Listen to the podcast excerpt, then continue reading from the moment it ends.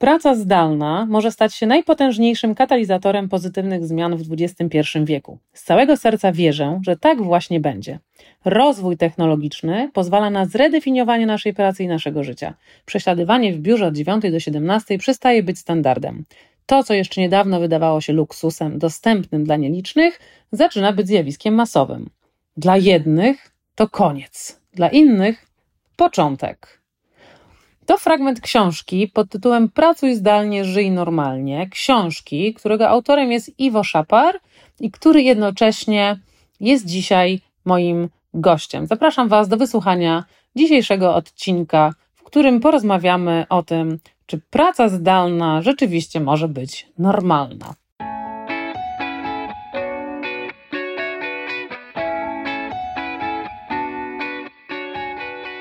Cześć Iwo. Zaprosiłam Cię dzisiaj tutaj na spotkanie, na podcast, nagranie, to różnie się teraz nazywa. Przedstawię Cię trochę y, naszym słuchaczom. Iwo Szapar, ekspert pracy zdalnej, twórca platformy Remote How, która od 2017 roku uczy firmy na całym świecie, jak tworzyć środowiska pracy przyjazne pracownikom zdalnym.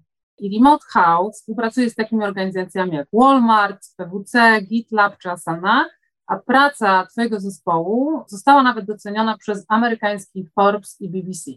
Urodziłeś się w Gdańsku, mieszkałeś bardzo długo w Wietnamie. Zanim zaczęliśmy, tutaj rozmawialiśmy o Twoim tutaj backgroundzie, który ja nazwałam polską wioską, Ty stwierdziłeś, że to jest, jednak jest wietnamska, widać, może klimaty są podobne. Dosyć długo tam mieszkałeś i teraz jesteś w Polsce. To, co ciekawe dla mnie w ogóle jest, że twoja, twoja firma, czy w ogóle ten temat, którym się zajmujesz, powstała w 2017 roku, czyli jeszcze przed pandemią de facto, czyli w ogóle jeszcze w takim momencie, kiedy ta praca zdalna nie była popularna, a wręcz była takim marzeniem, można powiedzieć, większości organizacji, większości firm i ludzi zatrudnionych w tych firmach. My osobiście, jak spotykałyśmy się z firmami, to wydawało się to niemożliwe. Wszyscy mówili, że no nie, nie, no może jeden, jeden dzień w miesiącu, może, może raz na dwa miesiące, tak? A tutaj się okazuje, że jednak z dnia na dzień y, to, co się zadziało jakieś ponad dwa lata temu, jest to możliwe i tak sobie przypuszczam, że, że w sumie tak naprawdę COVID i w ogóle ta cała sytuacja pandemii tylko ułatwiły rozwój Twojej firmy i doradzania w tym zakresie. Jak Ty byś mógł opowiedzieć, jak to wygląda? W ogóle jak się zaczęło i w ogóle co się zmieniło, jak ten COVID wybuchł? Jasne, przede wszystkim bardzo dziękuję za, za zaproszenie. Walczyliśmy długimi miesiącami, żeby tak. się spotkać i, i, się, i się w końcu udało, także bardzo się cieszę. Wiesz co, tak, historia jest y, długa, bo w 2017 roku, jak mieszkaliśmy jeszcze wtedy w Stanach, to zobaczyliśmy, że coś się zmienia, jeżeli chodzi o podejście ludzi do, do pracy i do życia. I tak zobaczyłem wtedy taki termin po angielsku experience over possession, czyli doświadczenie, wolimy czegoś doświadczyć niż coś posiadać.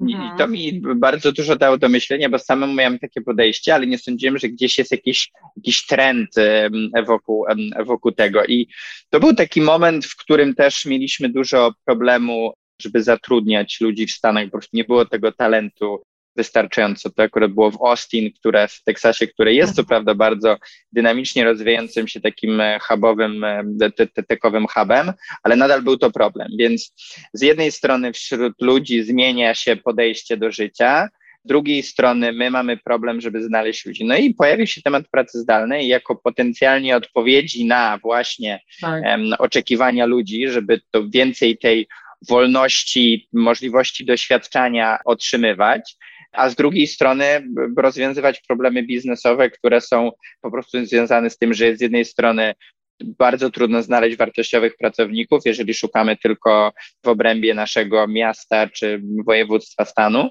czy też kraju a z drugiej strony to są też oczekiwania obecnych pracowników, więc dając im taką możliwość, działamy na kwestię no, no, zadowolenia obecnych pracowników. No i takie ćwiczenie wykonaliśmy, ja odbyłem ponad 40 rozmów z, z różnymi herowcami, osobami, które zarządzają firmami i, i wyszło, że to trochę co odpowiedziałaś, tak? Z jednej mhm. strony problem z mindsetem. Pamiętajmy, to było 5 lat temu, e, więc naprawdę ludzie jeszcze inaczej na to wszystko patrzyli, czyli problem z mindsetem, że, że tak się nie da, że w ogóle jakby absolutnie nie. E, a później była mała grupka, która zaczęła się zastanawiać, no, że w sumie może, ale my nie wiemy jak. Więc od, od, od pierwszego dnia, jak podjęliśmy decyzję, żeby działać, no to to była edukacja i to były nasze summity, tak, wirtualny summit pierwszy zorganizowaliśmy w 2018 roku na temat pracy zdalnej, to to jest nasza akademia, to są nasze programy certyfikacji dla, dla menedżerów, dla pracowników, dla herów, więc później marketplace łączący firmy z konsultantami pracy zdalnej.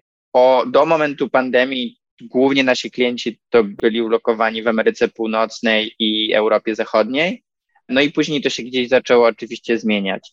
Dzisiaj jest e, połowa 2020 roku. Pomimo tego, że. 2022. Drugiego, no racja, faktycznie.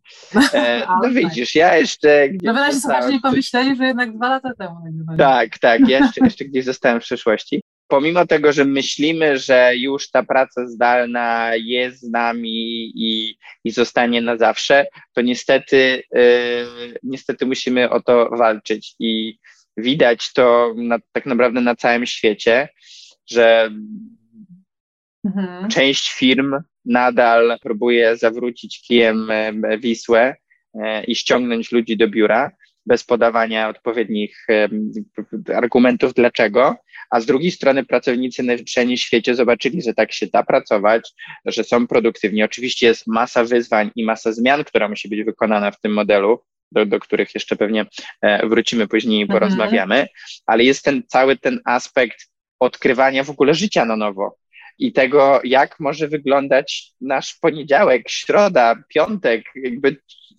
jakie rzeczy możemy tak. robić przed pracą, w, w, trakcie dnia, po pracy, czy zawsze musimy być w tym samym mieście, możemy pojechać na wieś, możemy pojechać do naszego rodzinnego miasta, możemy w ogóle wyjechać gdzieś na parę miesięcy, możemy rzucić pracę na pełnym etacie, zostać freelancerami, jakby w sensie jest tak duża zmiana, która, taka lawina wręcz bym powiedział, zmian, która, która -hmm. też się dzieje po stronie po prostu naszego takiego codziennego życia, że tego już się nie da zatrzymać i bardzo jest to ekscytujące być, e, być tego częścią. Tak, bo ja właśnie tak to, co powiedziałeś w międzyczasie, że wy zaczęliście zajmować się tym tematem w chwili, kiedy odkryliście, że można by było zatrudniać ludzi z innych części świata, tak, żeby nie szukać tylko lokalnie, ale można zatrudniać z innych części świata, więc w pewnym sensie to ułatwia tą rekrutację i, i jakby tak poszerza tą perspektywę. A tak, wiesz, znaczy... Że, że to nie tylko to, tak, że jakby ten język korzyści yy, i w ogóle te korzyści, jakie wypływają z tego, to nie tylko to, to jest jakby tak. wartością dodaną jeszcze, tak? Myślę, że... Tak, od tej strony biznesowej jak najbardziej, ale była też ta taka strona czysto trochę egoistyczna, czyli powiązanie pracy z podróżami, bo ja pamiętam w 2014 roku zacząłem być taki właśnie zafiksowany, żeby, żeby gdzieś sobie móc podróżować i, i pracować z różnych miejsc. Więc to gdzieś chodziło, jak widać, 3-4 lata za mną. No i później wraz ze startem Remote Hała, no to my przez ostatnie parę lat y, pracowaliśmy i mieszkaliśmy w 15 krajach. Więc z jednej strony ten biznesowy aspekt, a z drugiej taki też aspekt no po prostu wolnościowy, czysto lifestyle'owy, który dla części osób jest właśnie tym powodem, dla którego ta praca mhm. zdalna jest fajna i to nie musi być zawsze, nie wiem, Wietnam, Meksyk y, czy Maroko. Y, to może być y, nasz ukochany domek gdzieś pod, pod miastem. Jakby może być to gdziekolwiek. I właśnie teraz toczy się walka o to, że praca nie musi być tylko wykonywana z biura. Przez ostatnie dwa lata była głównie wykonywana alternatywnie z domu, no bo były obostrzenia pandemiczne, ale teraz, jak już od paru miesięcy de facto, jak teraz rozmawiamy, ludzie mogą pracować gdziekolwiek, i kawiarnie, i kołorki, i z góry, i z nadmorza, i z ławki. Ostatnio widziałem, e, pan rozłożył sobie laptopa pod Carrefourem, bo musiał szybko maila wysłać i taki był przycupnięty, e, więc to było szkoda, że zdjęcia mu nie zrobiłem. E, więc jakby to jest możliwe wszędzie i musimy się tego nauczyć, bo niestety na naukę w życiu rzadko mamy czas i, i w pracy to jeszcze gorzej jest, bo zawsze są jakieś deadlines i cele, ale jak się tego nauczymy i będziemy to, to robić dobrze, to tylko, tylko z korzyścią i dla firm, bo wszystko będzie po prostu efektywniejsze, lepiej zestapowane i dla nas samych. No właśnie, to też słusznie zauważyłeś, że, są, że teraz jest tak, że wiele firm próbuje mm, zawrócić kijem, tego, że jest takie sformułowanie, żeby ta, wróciła ta normalność przed e, pandemii, czyli jakby ten, ten standard funkcjonowania organizacji sprzed pandemii, sprzed e, pracy zdalnej. Ja osobiście nie wierzę w to, że to się stanie, chociaż też obserwuję taki trend, że niektóre firmy próbują ściągnąć ludzi do, do firmy. I ja Ci powiem, że ja osobiście, o, o ile mi się mega podoba w ogóle tytuł Twojej książki, Pracuj zdalnie, żyj normalnie, to, już jest ta perspektywa e, tego człowieka, który na tą pracę zdalną może przejść i tutaj też będę chciała do tego wrócić, ale jeszcze na chwilę zatrzymując się przy pracodawcach, że, że ja sama jako pracodawca na początku, jak był lockdown, to było to dla mnie trudne, o tyle, że, że, że jakby my funkcjonowaliśmy w takim świecie tego takiego trybu kontrolera, tak, że ja po prostu kontroluję no mniej lub bardziej tych swoich pracowników, widzę, co oni robią, widzę, że oni są, więc mi się wydaje, że ja to kontroluję, że ja nad tym Wydaje ci się, dokładnie. Tak, tak, tak, tak dokładnie. Dokładnie, dokładnie, bo ja też wiem, że to właśnie to jest to słowo, a, a potem jak na, z drugiej strony, jak ci ludzie są w domu, no to ja, to ja nie wiem, tak, znaczy jeżeli ja na przykład nie zadzwonię do kogoś o tej dziewiątej i, no i albo na, natychmiast nie odpiszę na maila, to tego nie wiem i to jest jakby ta pułapka, w którą wpadali w większości menadżerowie i przełożeni, że że oczekiwali, to był też taki, my bardzo często poruszamy to na naszych warsztatach e, o work-life balance, że teraz w tej pandemii zrobiło się coś tak, takie uczucie ciągłej dostępności, że wszyscy mają taką, no taki pewien rodzaj mobbingu, tak, że który gdzieś tam tej presji, którą położyli menadżerowie na, na pracownikach, że musisz być ciągle dostępny, bo nie daj Boże nie odbierzesz, to znaczy, że już nie pracujesz, nie? I teraz to, to też tutaj wysyłałam Ci taką moją, moją jakąś że, że zobaczyłam, jak e, Elon Musk e, gdzieś na Twitterze opublikował taki post, że słuchaj, słuchajcie, pracownicy, wracajcie do biur, przestańcie udawać, że pracujecie. I w tym trybie bardzo wielu jednak menadżerów funkcjonuje cały czas i chcą tych ludzi zawrócić. Pytanie, jak, jak ty to widzisz, jak ty obserwujesz, jak pracujesz z firmami?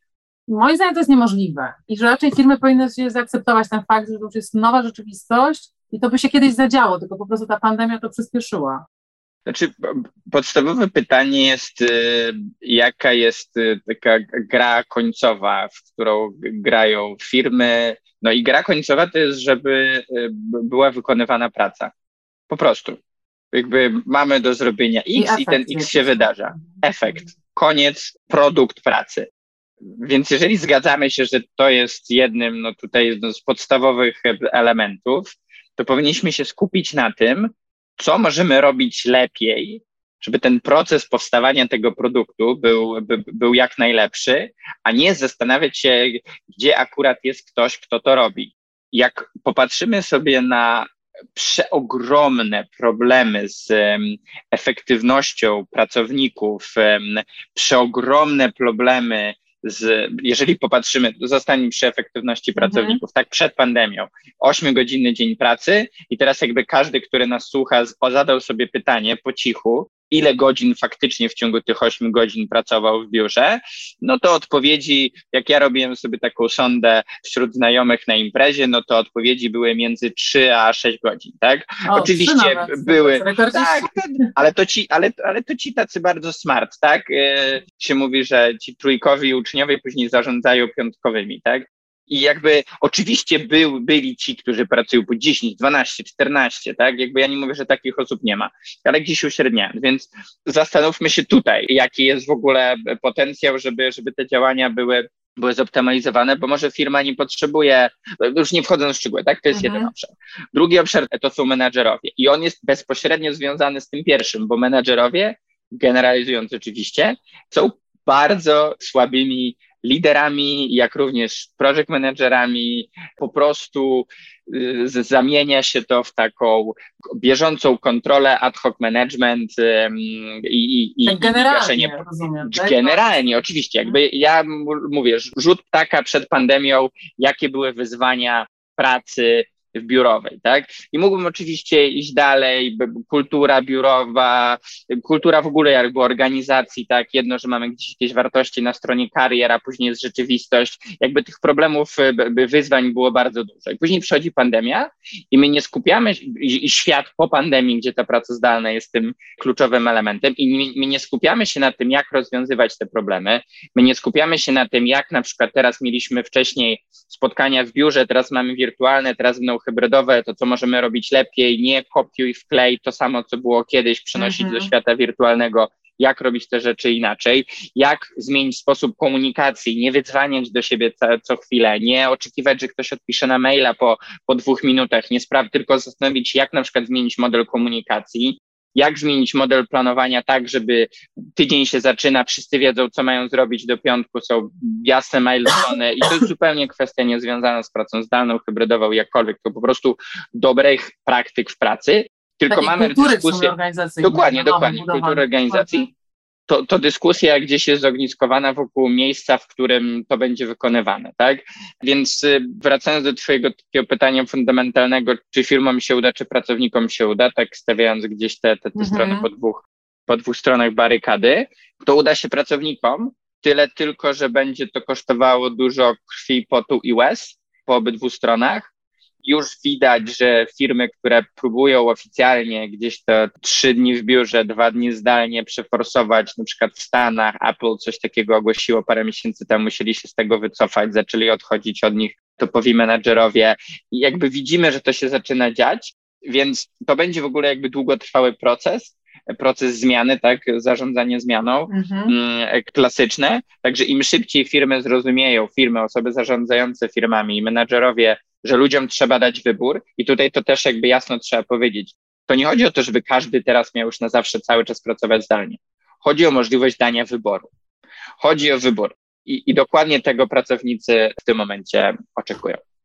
Tak. Ja myślę, że to też jest trochę związane z tym, że jednak firmy mają wynajmowane powierzchnie na ileś tam 10 A, no lat. oczywiście, że tak. No i teraz jak można wypowiedzieć to, to? No tak, tak, tak, tak, tak. Więc podpisany kontrakt na biuro jest ważniejszy od tego, żeby praca była dobrze zorganizowana i żeby pracownicy byli zadowoleni. No, brzmi tak. absurdalnie, ale w wielu przypadkach niestety tak jest. Tak, chociaż mi się jeszcze pojawia jedna rzecz taka, że my też jako firma robimy różne eventy, spotkania, integracje.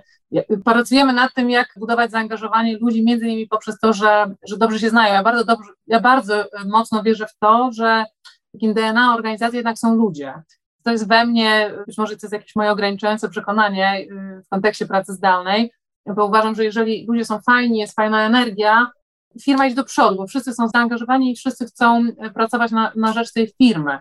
Chociaż, no właśnie, to jest jakby też pytanie takie do mnie, tak, że będę musiała po prostu sobie to przewartościować, bo to jest w pewnym sensie ograniczające, bo ogranicza mnie do tego, że ja myślę o tym, żeby spotykać się z, tym, z tymi ludźmi i tak wiele firm myśli, którzy proszą nas o to, żeby organizować spotkania integracyjne, na które ludzie nie chcą przychodzić. To jest najlepsze, bo po prostu połowa firmy po tych dwóch latach często gęsto to są nowi ludzie zupełnie, tak, którzy nie są w ogóle związani z organizacją, chociaż dobrze tak. wykonują swoje zadania, nie? Więc to takie... Tak, tak, ale to, teraz to jeżeli popatrzymy. tak, tak, ale jeżeli wybiegniemy sobie w przyszłość i popatrzymy na to, że ilość osób, która chce być wolnymi strzelcami, freelancerami, konsultantami, pracować albo w jednym miejscu, ale na przykład mniej, tak? Cały temat czterodniowego tygodnia pracy, e, czterodniowego tygodnia pracy, tak? Jeżeli popatrzymy na to, że ludzie chcą niektórzy pracować w dwóch, trzech firmach, na, znaczy nie pracować, tylko na przykład dla dwóch, trzech firm pracować na jakichś projektach, to w ogóle zmienia się ten sposób patrzenia na to, jak wygląda to, to zaangażowanie pracownika, tak, to budowanie tej e, kultury mhm. organizacji. I my w tę stronę idziemy. Już nie będę tutaj się wdawał w kwestie Web3 i, i DAO, czyli Decentralized Autonomous Organization, konceptu, który tak naprawdę wywraca do góry nogami to, że nie musi być wcale, nie musi powstawać firma, żeby, żeby działy się jakieś rzeczy, tylko wystarczy grupa ludzi, która ma wspólną misję, skarbiec, głosowanie na projekty i może robić co chce, tak? To już tak bardzo przyszłościowo -hmm. abstrakcyjnie, ale takie rzeczy też się już dzieją i notabene jako, jako Remote House zaczynamy też w ten sposób operować ale zastanowienie się z jednej strony właśnie, jak wygląda przyszłość pracy i przyszłość pracy nie tylko jest zdecentralizowana poprzez pracę zdalną, nie jest tylko zdecentralizowana poprzez właśnie e, przyszłość Web3 i tego aspektu DAO, nie jest tylko zdecentralizowana poprzez e, freelancerów, dodatkowy element przyszłe generacje, tak, Gen Z i na to, jaki, jakie ta generacja ma oczekiwania, czyli właśnie bardzo duża elastyczność, chęć bycia freelancerami, a jeżeli praca na pełnym etacie, to nie zachorowywanie się, tak jak to milenialsi i wcześniejsze generacje mają we krwi, w DNA. No właśnie, a powiedz tak, przerwę Ci, bo tak już czuję tak. presję czasu, powiem, że masz e, za chwilę kolejne spotkanie. Przeszliśmy właśnie teraz do ludzi, tak, bo wcześniej rozmawialiśmy o organizacjach, tak. teraz ludzie. Czy wy jako Remote House też zajmujecie się oprócz, tak zakładam, że rozmawiacie z organizacją nad budowaniem kultury e, tej organizacyjnej od tej strony zarządzania, a czy też robicie, rozmawiacie z ludźmi, czyli uczycie ich, jak w ogóle w tej pracy zdalnej się odnaleźć, jak, jak w niej funkcjonować, jak zadbać o to. Czy też z tej strony to się odbywa? Tak, no jest, przede wszystkim zawsze jest rozmowa z ludźmi. No właśnie. tylko pytanie, czy, czy, czy to są tylko działy HR, czy to są również menadżerowie, czy to są również e, osoby indywidualne. Tak, jak najbardziej.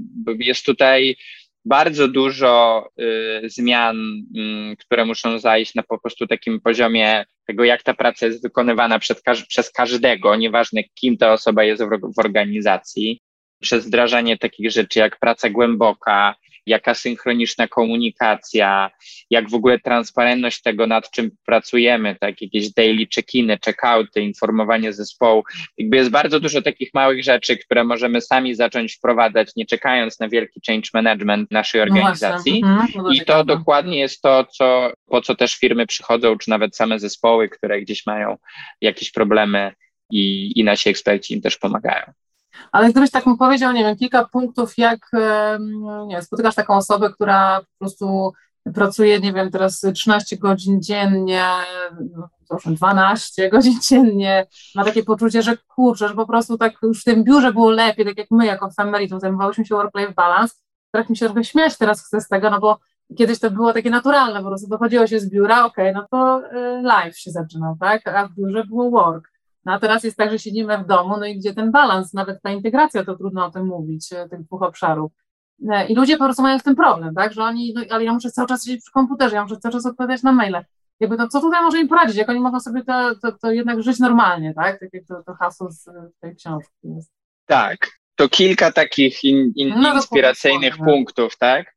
Jedna rzecz to jest kalendarz kalendarz, który tutaj polecam zgłębić kwestię time budgeting, tak naprawdę stworzenia takich bloków w swoim dniu, kiedy co robimy i również te bloki obejmują czas wolny. Więc zacząć myśleć o swoim dniu w takim właśnie charakterze bardzo pomaga później gdzieś interweniować, jakieś rzeczy dostosować. Podam przykład. Wrzućcie sobie poranny spacer z psem. Wtedy oficjalnie nie, nie jesteście przy komputerze, ktoś do Was pisze, nie odpowiadacie, jesteście na spacerze z psem.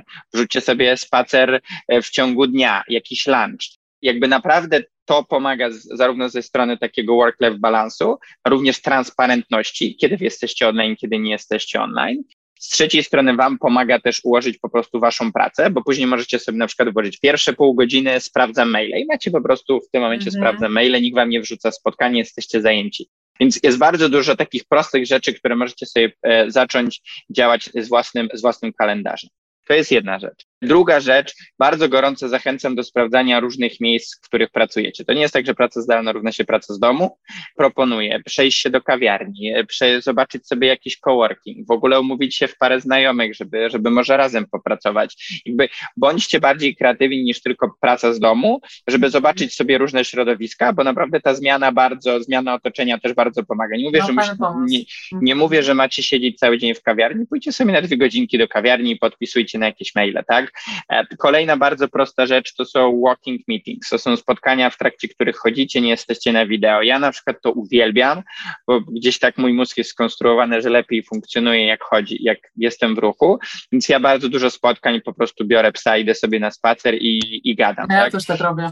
Tak, to jest fantastyczne, to jest mega proste, a um, niestety e, trochę um, społeczność pracy zdalnej, ta, która jakby istniała przed pandemią, zawsze mówiła, że spotkania to na wideo, na wideo. Co do zasady tak, ale to nie jest tak, że wszystkie spotkania w ten sposób muszą się odbywać. Właśnie takie spotkania gdzieś statusowe, czy wręcz nawet brainstormingowe, gdzie sobie coś tam rozkminiamy, naprawdę popróbujcie.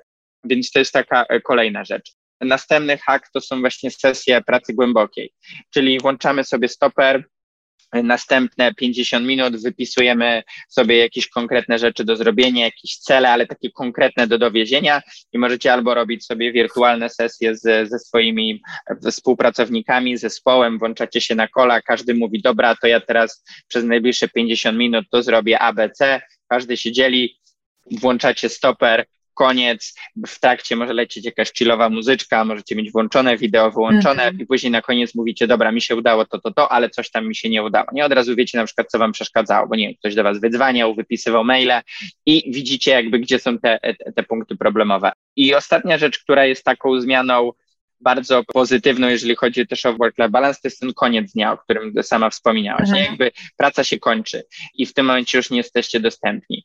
To, co jest super prostym hakiem, to jest tak zwany daily check-in i check-out, czyli postujecie, nie wiem, używacie Slacka, Microsoft Teamsów, jakiegoś, jakiegoś innego mhm. narzędzia do komunikacji, macie kanał, na którym zaczyna się dzień, mówicie dzień dobry, cześć, cześć kochani, to są zadania na dzisiaj moje i, i to już od razu jest w ogóle fantastyczny element takiej transparentności pracy. Dzień się kończy, okej, okay, koniec, to mi się udało, to mi się udało, to mi się nie udało i od razu można podać powód, ale jakieś dodatkowe rzeczy wskoczyły, koniec, do zobaczenia jutro. Nie, jakby dzień jest zamknięty, tak? I ja się zastanawiam, mega... tak jeszcze ci też się wtrącę, bo to jest w ogóle cudowne, o czym ty mówisz. Ja to widzę, bo, bo ja sama jestem tutaj, wiesz, lobuję za work-life balance i dbaniem, dbaniem o siebie. Jednakże mam takie myśli, że to jest taka trochę utopia, a być może tak jak ja też prowadzę sesje coachingowe i procesy wokół tego tematu, że jest um, trochę takich zawodów, czy jednak nie może organizacji, które w których jak już jesteśmy zatrudnieni, to po prostu one totalnie nie sprzyjają temu, żeby w ogóle to wprowadzać. Czy, czy ty też masz takie doświadczenie, czy to jednak jest, e, nie wiem, ja coś wymyślam? nie, no oczywiście, że nie. No bo... Nie no, oczy... znaczy słuchaj, w niektórych nie mówię o dentyście czy o lekarzu, który tam po prostu siedzi. No nie, nie, nie, no, tak?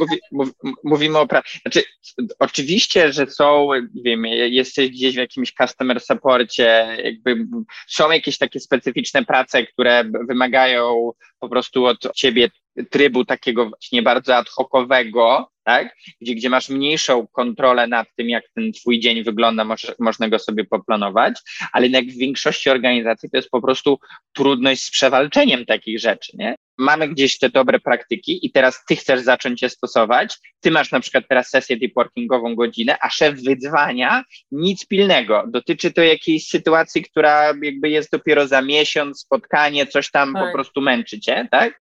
I tutaj od razu pojawia się kwestia, o której dzisiaj żeśmy jeszcze nie rozmawiali, czyli tego, że coraz więcej firm tworzy playbooki, playbooki, handbooki tego, jak pracować. I oczywiście one, one są fantastyczne, e, i jeżeli chodzi o temat pracy zdalnej, bo bardzo dużo właśnie firm tak naprawdę nie umiało pracować, nie miało gdzieś tego skodyfikowanego, takiej instrukcji, jak, i, jak pracować. To jest taki regulamin trochę, tak, tej pracy zdalnej? Nie, to jest, to jest taka trochę książka, jak pracujemy, ale książka, która cały czas żyje. Bardzo fajnym benchmarkiem tutaj jest GitLab, GitLab ma takiego swojego playbooka, który ma już teraz chyba 27 tysięcy stron, jakby go wydrukować. I on cały czas jest aktualizowany, cały czas tam się dzieje praca. To jest tak naprawdę takie po prostu wejście w mózg, w serce firmy i abstrahując od różnych zasad, które tam są, tak, to każdy pracownik jest takim ambasadorem tych założeń, które tam są. To nie znaczy, że każdy zna, wie, wie wszystko, no bo są oczywiście no tak, departamenty, tak? tak? Ale, ale, ale to, co jest mega ważne i to też jakby jest to, to tego, co ty powiedziałaś, że musimy doprowadzić do takiej sytuacji, w której jakiekolwiek zmiany w organizacji, małe, duże, kultura jej pozwala na to, żebyśmy my powiedzieli, hej, ale umawialiśmy, że będziemy robić tak i tak, mhm. czyli jak ja mam sesję deepworkingową i nie pali się, że nasza platforma nie działa albo nasz największy klient właśnie zadzwonił, że chce mm, zakończyć kontrakt, to jakby szanujesz ten czas, tak? Tak samo szanujesz to, że po godzinie 17 nie piszesz do mnie, nie wydzwaniasz, bo ja mam wtedy czas ze swoją rodziną, tak? I musimy zdobyć się na dawanie takiego feedbacku. Jednym w ogóle z elementów podstawowych pracy, pracy mhm. w ogóle i relacji jest y, po prostu szczera, szczerość. Komunikacja. Komunikacja, tak? A, a nam tego brakuje jako ludzie. Więc jest bardzo dużo takich rzeczy, które my po prostu powinniśmy robić, niezależnie od tego, czy to jest praca zdalna, czy nie, e, ale nie robiliśmy. I to jest teraz fantastyczny moment na to, żeby, żeby wiele rzeczy naprawić. Tak, dokładnie. Chyba jest, widzę, że mamy 6 minut. E, właściwie albo ty masz za 6 minut masz to, to spotkanie, o którym wspominałeś. To oznacza, że powoli, a właściwie albo nawet szybko trzeba zbliżać się do końca. Co byś chciał na koniec jeszcze dodać, takiego, co, co, co ludzie powinni zapamiętać? Mnie jest bardzo bliskie to, co ty powiedziałeś teraz, że że w pewnym sensie musimy sami zadbać o siebie. Znaczy to jest tak, że okej, okay, kultura organizacji, organizacji to jest jedno, ale jeżeli tak się stanie, że jesteśmy w firmie, której kultura, nie wiem, menadżerowie jakby nie sprzyjają temu, żeby rzeczywiście dbać o to, żeby ta praca zdalna była normalna, no to musimy zadbać o siebie, bo nikt e, o nas nie zadba tak jak my sami. To jest takie trochę, tak. no i ta komunikacja, tak, że, że albo ja się na to godzę, że, że nie wiem, coś oczekuje ode mnie, że ja będę pracować jeszcze o godzinie 20, albo nie, tak, albo jeżeli pracuję o 20, to dlatego, że nie musiałam pracować o godzinie 15, tak, więc to ja Dokładnie tak. Nie? Dokładnie tak. Bardzo mi się podoba, jak to ujęłaś. Mm, ja myślę, że musimy być przygotowani na to, że to nie będzie łatwy proces. To tak y, my to powtarzamy firmom, żeby nie, nie oczekiwały, że to będzie jakieś magiczne pstryknięcie, trzy workshopy i po prostu świat będzie lepszy, tak? E, trzeba się przygotować na długą zmianę, ale na końcu jest naprawdę ogromne światełko, które zarówno będzie pozytywnie wpływać na te organizacje, co mamy bardzo dużo argumentów biznesowych. To nie jest tak, że my tutaj mówimy tylko o tym, żeby, żeby pracownikom było dobrze, jakby to jest mega ważne i dla mnie tak naprawdę najważniejsze, po prostu, żeby ludzie byli szczęśliwi, zadowoleni, zdrowi, ale jakby jest bardzo dużo tych argumentów biznesowych, które po prostu stoją za tym, że trzeba się zmieniać i, i trzeba dostosować się do nowej rzeczywistości.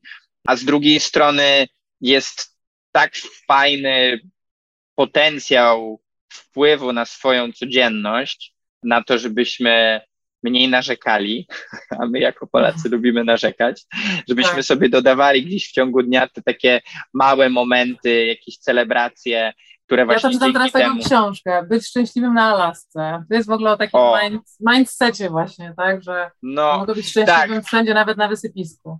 No dokładnie, dokładnie, dokładnie. Więc y, po prostu popatrzcie na to jako na, y, na szansę, żeby gdzieś swoje czy to takie problemy, czy też marzenia, żeby zastanowić się, jak to nowe środowisko, które daje wam większą elastyczność miejsca i czasu pracy, bo jest też kwestia czasu, tak jak sam tak. powiedziałaś, to mo można zrobić sobie dwugodzinną przerwę w trakcie dnia, a później, jeżeli, jeżeli tak chcemy, a później to, to zrobić um, gdzieś później.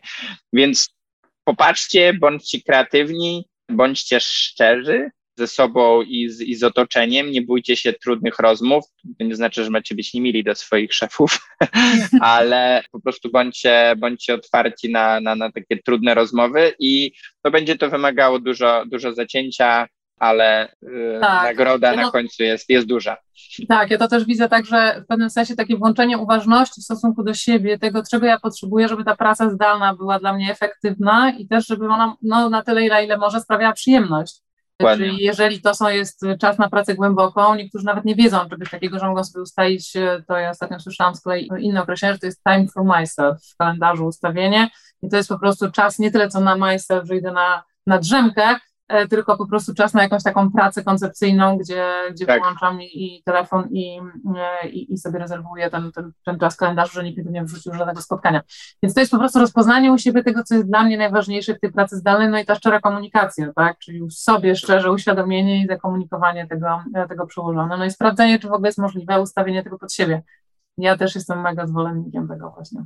Także słuchaj, no bardzo Ci dziękuję. Ja, ja się mega cieszę, że że w ogóle udało nam się spotkać, bo rzeczywiście było to wymagające, e, ale się udało i czuję taki dosyć duży niedosyt, bo można by sobie jeszcze porozmawiać na ten temat. Jeszcze będzie okazja. Ale właśnie, myślę, że jeszcze będzie okazja, może zrobimy jakiś drugi odcinek, także bardzo Ci dziękuję jeszcze raz. No i cóż, no powodzenia Remote House, żeby jak najwięcej firm e, wdrożyło to u siebie i żeby po prostu e, ludzie mogli funkcjonować w tej nowej rzeczywistości, która już jest po prostu faktem. Super. Bardzo dziękuję Paulina, wszystkiego dobrego. Dzięki. Hej, hej. Dzięki, cześć, cześć.